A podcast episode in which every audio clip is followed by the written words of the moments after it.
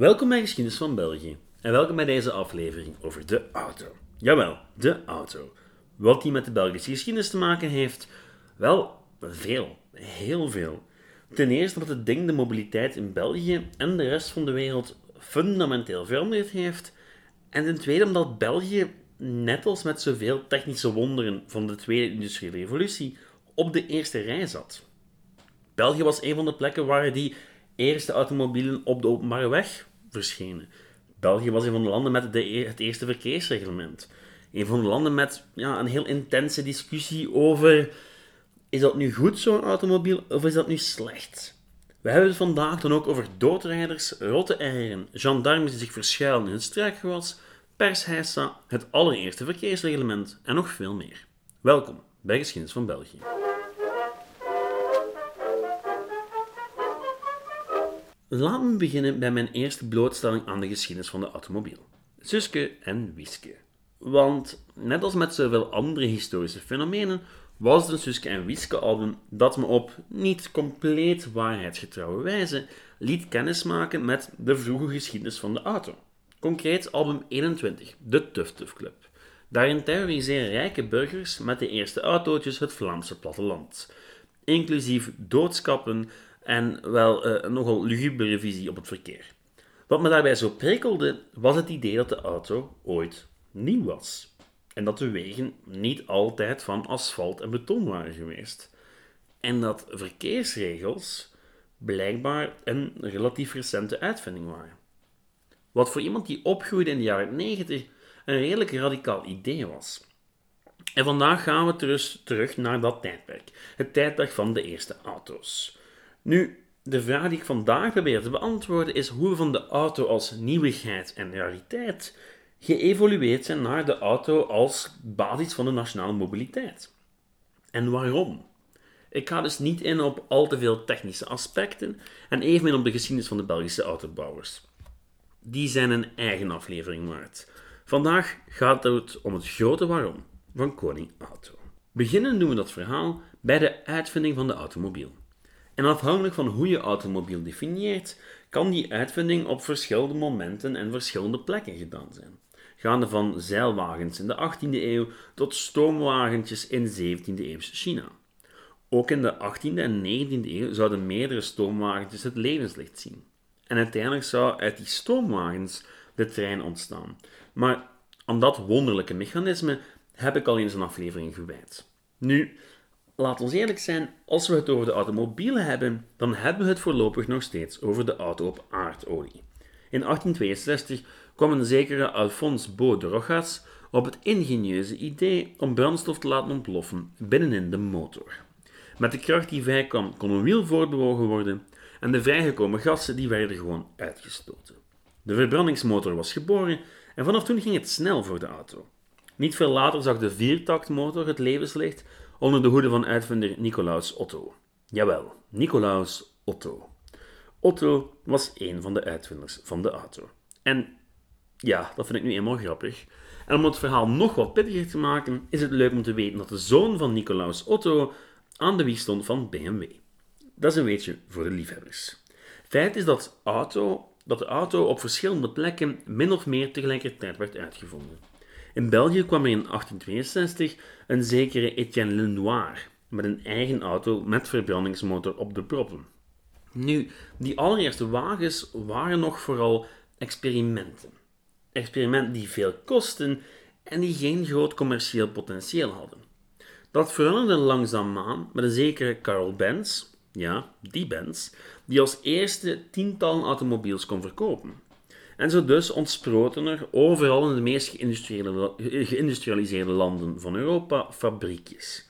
Dus ook in België. Maar vaak waren dat producenten van koetsen of fietsen die hun productie aanpasten.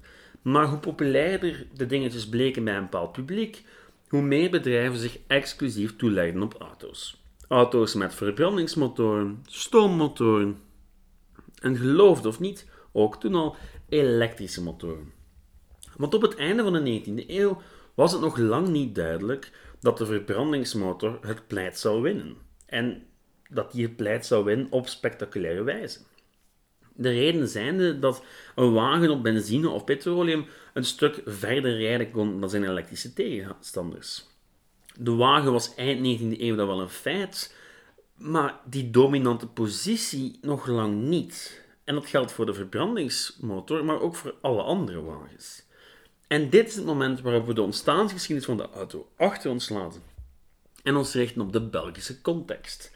Want wat met het gebruik van de auto in Belgenland?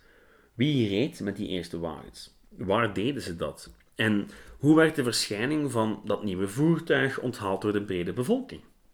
Wel, voor het merendeel van die antwoorden kan ik u doorverwijzen naar mijn aflevering over de fiets. Jawel, die van drie weken geleden. Want veel van de zaken die ik toen zei over de populariteit van de fiets, haar publiek, de clubs en zo verder, die gelden even goed voor de auto. Een korte samenvatting, mocht u die aflevering gemist hebben.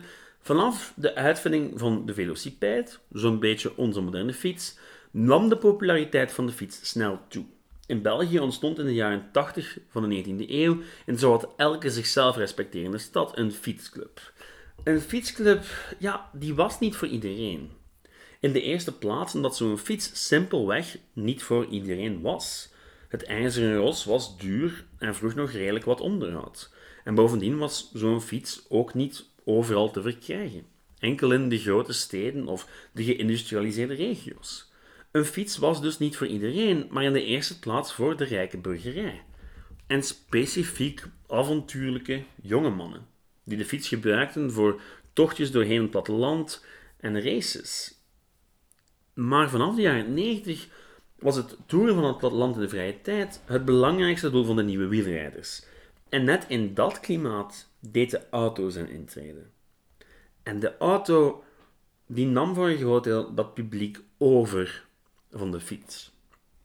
In 1895 werden de eerste grote automobielwedstrijden gehouden in Frankrijk en als gevolg van alle publiciteit werd de auto plots een hebbedingetje.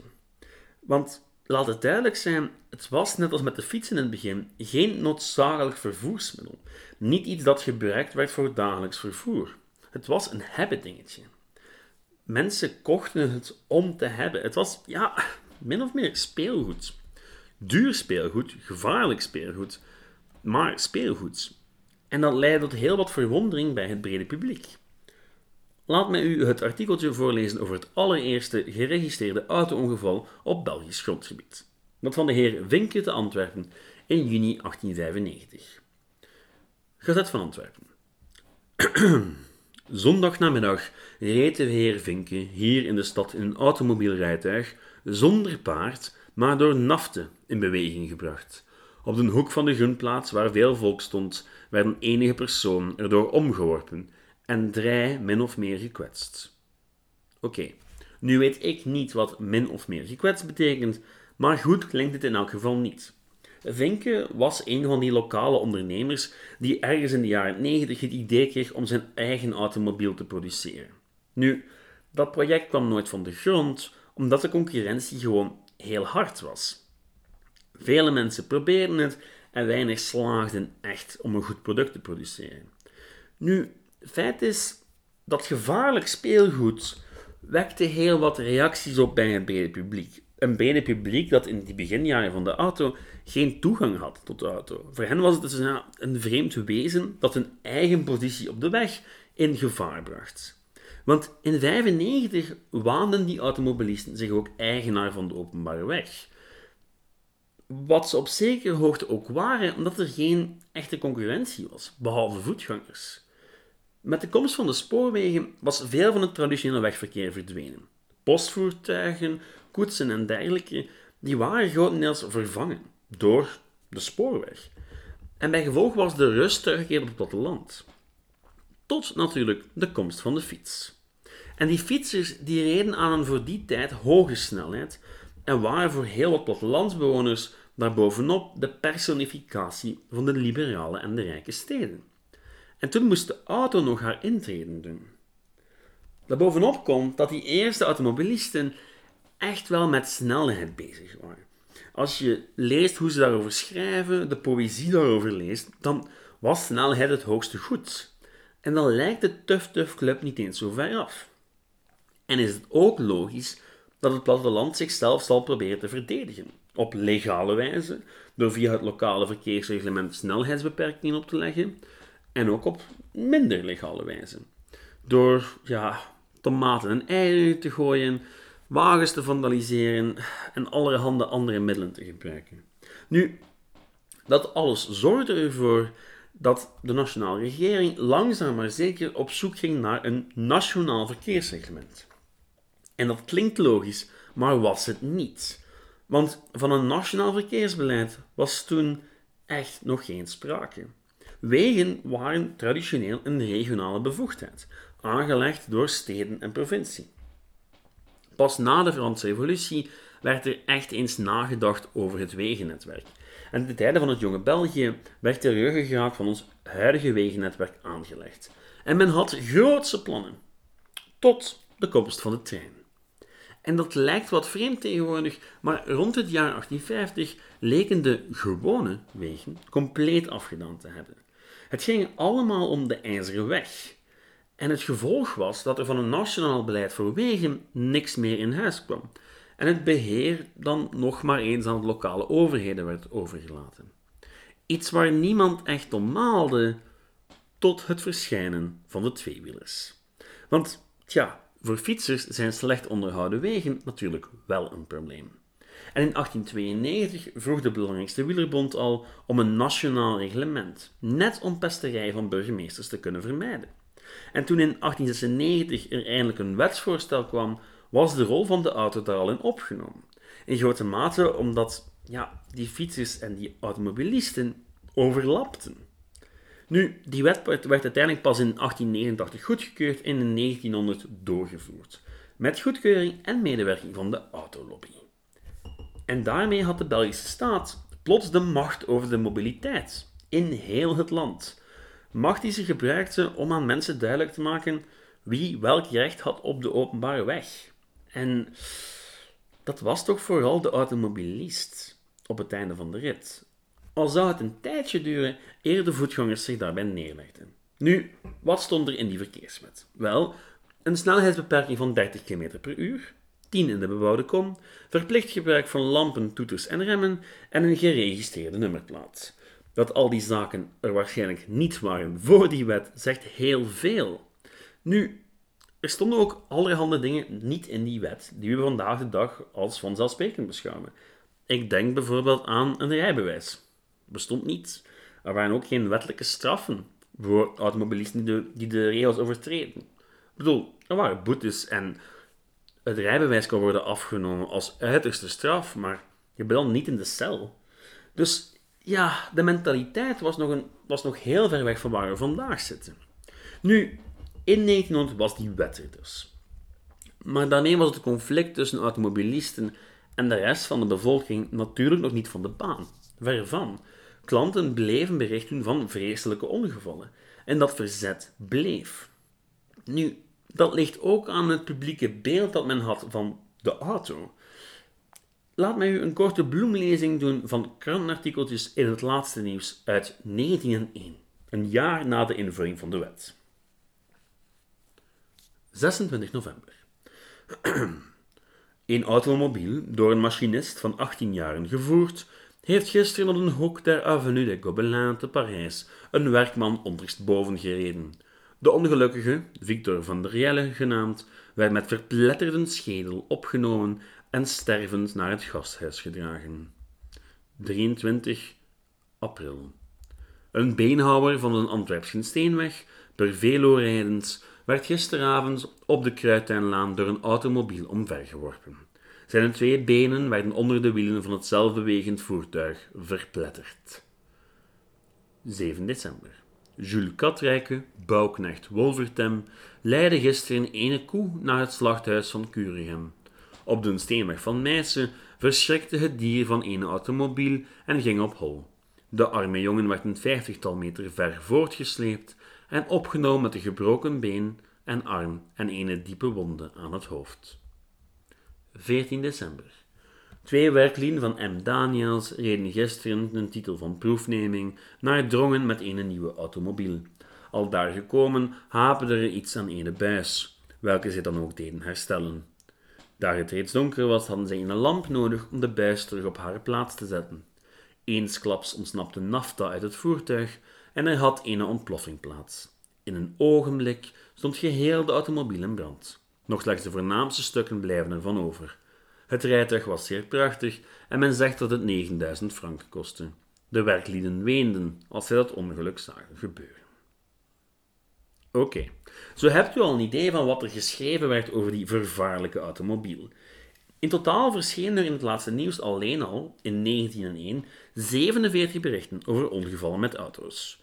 Toegegeven, niet al die berichten gingen over ongevallen in België, maar ze schetsen wel een bepaald beeld.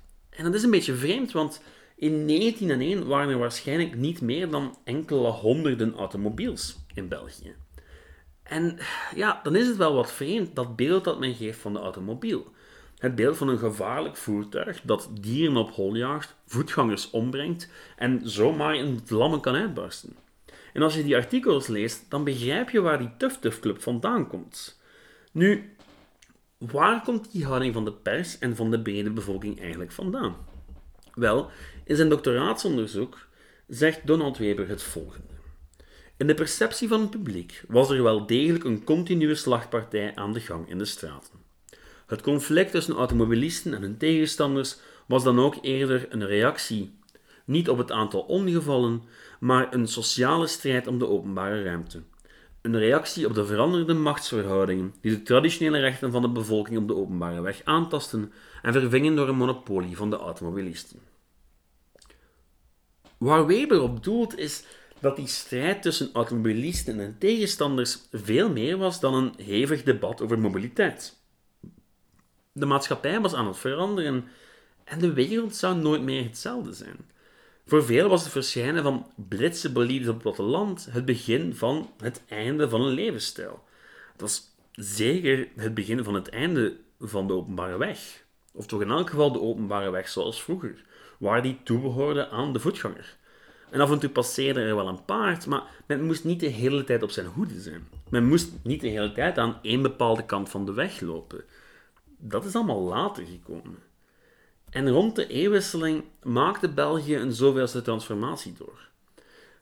Feit is dat die auto's het ook makkelijker maakten voor de stedelijke wereld om door te dringen tot in het platteland. Want de moderniteit had wel zijn intrede gedaan in de steden en in geïndustrialiseerde gebieden, Plots leek ze ook op dat platteland niet meer tegen te houden. Nu, men probeerde dat wel. Van vandalisme tot de lokale gendarme die zich in het struikgewas verborg en nummerplaten neerschreef van automobilisten. Maar ja, dat had allemaal niet zoveel nut, bleek later. Al was er natuurlijk ook de pers.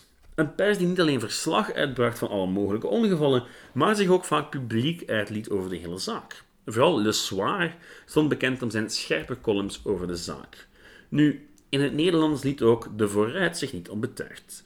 Dit stukje heb ik gevonden en het gaat over, wel, het beleid aan de kust. Wat u moet weten is dit. Voordat er echt strenge regelgeving was, mocht men aan de kust op de dijk met de wagen rijden. En dat had uh, gevolgen, grote gevolgen. Onze lezers zullen met ontroering in ons blad van gisteren over de dodelijke ongelukken gelezen hebben te Oostende en te Zuijenkerken. Vruchteloos wordt er op strengere maatregelen aangedrongen. De gemeentebesturen stemmen wel maatregelen, maar de rijke heren geven er de brui aan, rijden met duizelingwekkende snelheid, het leven deze voorbijgangers bedreigend. De burgemeesters, hoofden der politie, laten maar gaan wat gaat en geven aan hun onderhorigen de middels niet om de dollerijers in overtreding te nemen. Het wordt hoog tijd dat die toestand een einde nemen en de mensen mogen gaan waar het hen belieft, zonder gevaar te lopen verpletterd te worden. De Mariakerke bij Oostende is de ontroering nog algemeen over het vermorzelen van, van de kleine Moermans. De chauffeur die het kind op de dijk doodgereden heeft, is aangehouden. Volgens de inlichtingen reed hij steeds met de grootste snelheden en zondag reed hij met 60 km per uur. Een lezer van de Petit Bleu schrijft aan zijn blad: Men had een dollenrijder verwittigd dat hij ongelukken ging doen. Hij spotte ermede. Zie daar wat men komt met die overdreven toegevendheid voor die verpletteraars. En het is het enige geval niet. Hele dagen snellen motto's en auto's met een schrikwekkende snelheid over de dijk. Van morgen af zullen wij door een petitie de burgemeester van Oostende verwittigen dat, zo hij daar geen einde aan stelt, wij onszelf zullen weten te verdedigen. En dat ze dan oppassen, de chauffeurs, want de bevolking is in een staat van opgewondenheid die zeer ver kan leiden, indien men tegenover de verpletteraars geen radicale middelen neemt. Oké, het mag dan wel duidelijk zijn dat sommigen duidelijk geen fan van die automobiel. Maar hoe komen we dan in godsnaam uit bij de situatie van vandaag? Een situatie waar zelfs de meest weerspannige weggebruiker echt wel weet dat ja, als het erop aankomt, de auto nog altijd de weg beheerst? Wel, het ligt aan een heleboel factoren. Ten eerste lieten die automobilisten zich niet zomaar doen. Waar voetgangers en andere zwakke weggebruikers gebruik maakten van de pers en lokale politiek, hadden de automobilisten betere connecties en diepere zakken dan hun tegenstanders. Het waren burgers, rijke burgers, en ja, ze lobbyden. En dat wil dus zeggen dat de automobiellobby al vanaf het begin van de vorige eeuw redelijk sterk stond in België. En daarmee bedoel ik zowel de autoconstructeurs als de chauffeurs. Beide groepen zouden zich inzetten voor een betere infrastructuur en een wettelijk kader dat de wagen legaliseerde, zodat gebruikers en de economie haar volledige potentieel zouden kunnen benutten. En die politiek loonde, want wel, de regering zag ook wel iets in dat hele plan. Ze zag ook wel iets in de automobiel.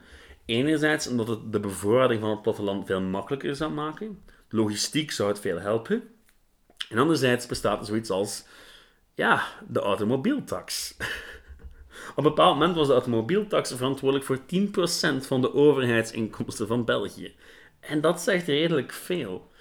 Dus ja, de overheid koos de kant van de automobiellobby en het gevolg was dat het wettelijk kader ook naar die geest werd geschreven.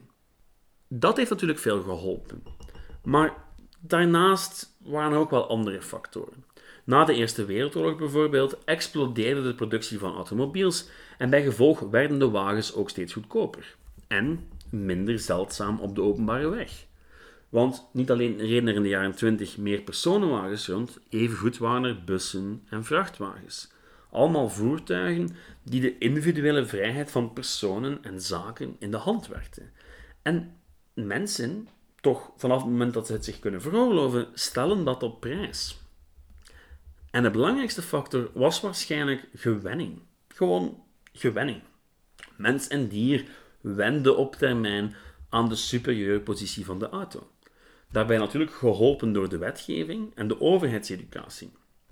En zo wende de gewone voetganger dat hij ja, aan de kant werd gezet. Letterlijk en figuurlijk. En dat werkte ook. Al zeker als die openbare weg volledig heringericht werd in functie van de nieuwe verkeerssituatie. Maar ja, dat is een verhaal voor een andere keer. Niet dat het verhaal van de Belgische mobiliteit en dat van de auto nu al afgerond is, maar ja, dat is onze tijd voor deze week. Nu, we zijn duidelijk een reeksje aan het maken over Belgische mobiliteit. En het lijkt me maar logisch om vroeg of laat ook het volgende hoofdstuk in de geschiedenis van de Belgische mobiliteit aan te vatten: dat van de snelwegen.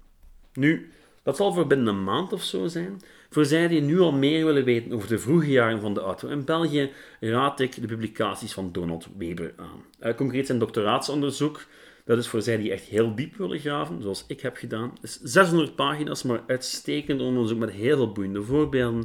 Maar is ook een uh, samenvatting van 16 pagina's, die ik ook heel sterk kan aanraden. Het is geweldig werk en was de belangrijkste bron van deze aflevering. Een link naar die en andere bronnen vind je op de Facebookpagina. Volgende week gaan we verder met de reeks over Belgische steden. Concreet Doornik. Waarom Doornik? Wel, omdat de geschiedenis van die stad mij toelaat om het in één en dezelfde aflevering te hebben over de Romeinen, Clovis, wandtapijten en de Zuid-Nederlandse versie van d'Arc. Dat en meer, volgende week. Tot dan, ciao!